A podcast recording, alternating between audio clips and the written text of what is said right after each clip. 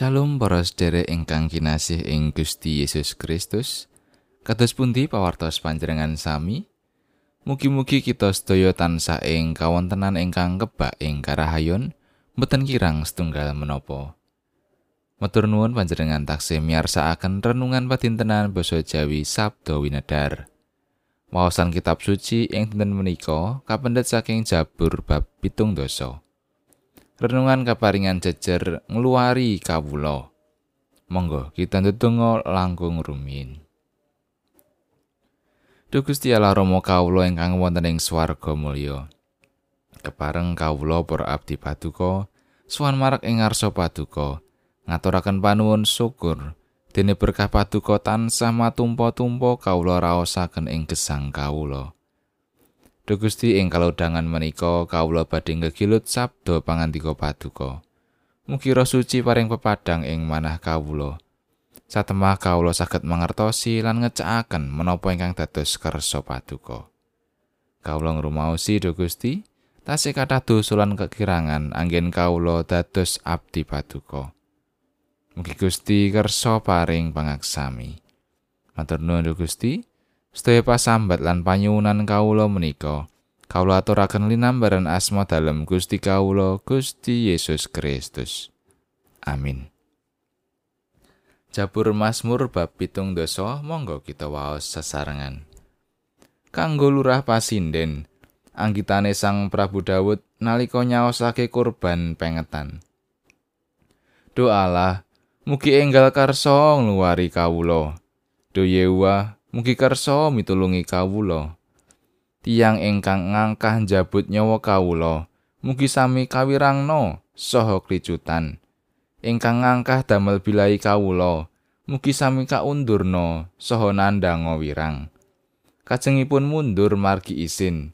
Ingkang sami mumengel, syukur, syukur. Tiang ingkang sami ngupadosi paduka, sami bingah-bingao lan sukarena sedaya. Ingkang tresnani karahayon peparing paduka tansah ngucap mekaten Gusti Allah iku agung. Kawula menika sang lan melarat doalah mugi kersa enggal rawuh. Paduka menika ingkang mitulungi saha ngluwari kawula. Doyewa mugi sampun ngantos ngrandhataken rawuh paduka. Mekaten pangandikanipun Gusti ayat nat saking ayat kali Doalah Mugi enggal kersa ngluwari kawula. Do Yewa, mugi kersa mitulungi kawula. Mboten sekedhik tiyang ingkang boten sabar nenggo pitulunganipun Gusti. Kangge ngluwari sedaya perkawis sing gesangipun.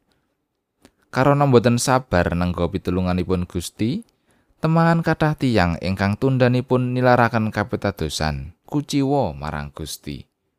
Tentu menika mrihatosaken Awit nalika gesang kita wonten ing sanjawining Gusti temtu badhe karaos aurat tantangan menika. Makaten ugi kita menika sinten to? Menapa kita wenang kuciwa marang Gusti? Satosipun kita mboten wenang kangge kuciwa marang Gusti. Tinimbang dumawah ing sikap kuciwa, prayogi ngaturaken sedaya tantangan ing gesang menika dumateng Gusti Allah. Kados dene menapa ingkang dipuntindakaken dening Sang Juru Mazmur, inggih menika Prabu Daud nalika nyaosaken kurban pengetan. Wonten ing pandonganipun Prabu Daud nyuwun supados Gusti Allah enggal ngluwari gesangipun. Inggih gesangipun ingkang kaliputan ing raos ajrih. Awit mangkaping-kaping mengsahipun kepengin nyedani. Kawontenan ingkang kebak ing raos ajrih menika Prabu Daud mboten mangertosi. Badhe nyuwun pitulungan dhateng punti lan sinten kajawi namung nyuwun dhateng Gusti Allah. Prabu Daud mitadosi, bilih Gusti temtu badhe ngluwari gesangipun. Awit Gusti Allah mboten nate nguciwani tumrap tiyang ingkang tansah madosi wedananipun saha nggadahi pangajeng-ajeng wonten ing ngarsanipun Gusti. Gusti Allah mboten negakaken gesang kita menika. Gusti Allah badhe tansah ngluwari sedaya ruwet renteking gesang kita menika. Pancen, kala-kala pitulunganipun Gusti menika ketinggal randat. Ananging Gusti temtu mangertosi, kenging menapa pitulunganipun menika ketinggal randat. Gusti Allah pirsa wektal ingkang pas kangge ngluwari gesang kita menika. Tansah sabar, awit pitulunganipun Gusti tansah binabar.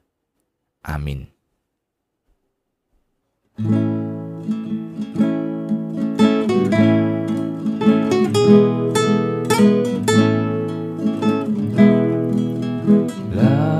siro sang soro